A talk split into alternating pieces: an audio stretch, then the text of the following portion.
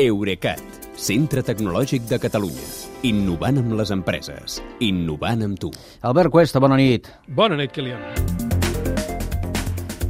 És allò que dèiem al començament, eh? una altra preocupació més acumular a la motxilla de les preocupacions sobre el català. Els joves configuren el mòbil en català menys que les persones més grans i els usuaris d'Android menys que els d'iPhone? Uh, sí, són dades de l'enquesta que l'empresa GESOP ha fet per encàrrec de la Plataforma per la Llengua.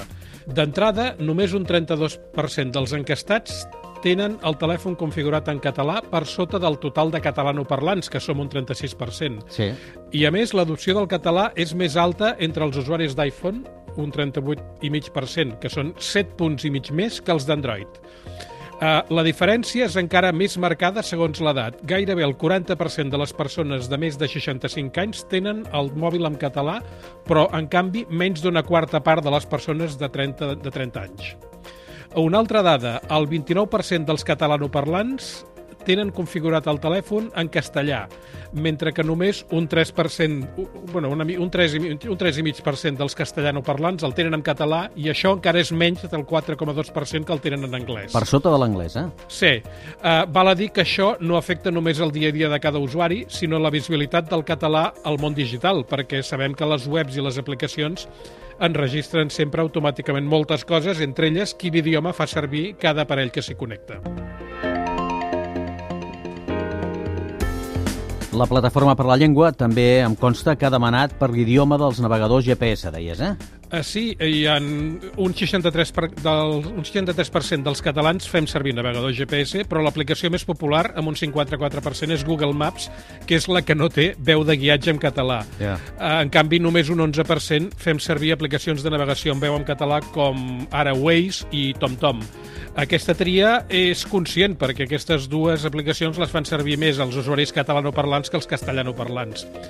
De tota manera, s'estima que gairebé 3 milions de catalans creuen que els vehicles de les administracions públiques només haurien de tenir navegador eh, que tingués veu en català. I això ho creuen més intensament els votants de Junts i els de les CUP que els d'Esquerra Republicana.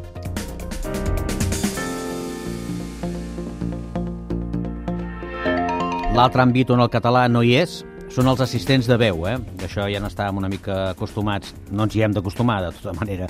És actualitat aquests dies gràcies al projecte Aina, per cert, eh? Uh, sí, uh, ja ho sabem. Fins ara no hi ha cap majordoma digital que parli català i només la de Google l'entén i encara si li fas trampes. Ja. Uh, ja, però demanda n'hi ha, perquè l'enquesta d'aquesta de la plataforma indica que més de 1,3 milions de catalans es plantejarien canviar de sistema operatiu perquè el seu mòbil tingués assistent de veu en català però eh, de fet el grau de disposició és diferent segons quin aparell tinguis, perquè per cada usuari d'iPhone que es passaria a Android si li pogués parlar en català, n'hi ha més de 3 que farien el canvi en sentit contrari. Vull dir que aquí també hi ha unes certes ganes de passar-se d'Android a iPhone. Ja ho veig. Eh, lligant això dels assistents de veu amb el que deies al començament, allò de l'edat dels usuaris, tu deies que has fet un treball de camp, eh?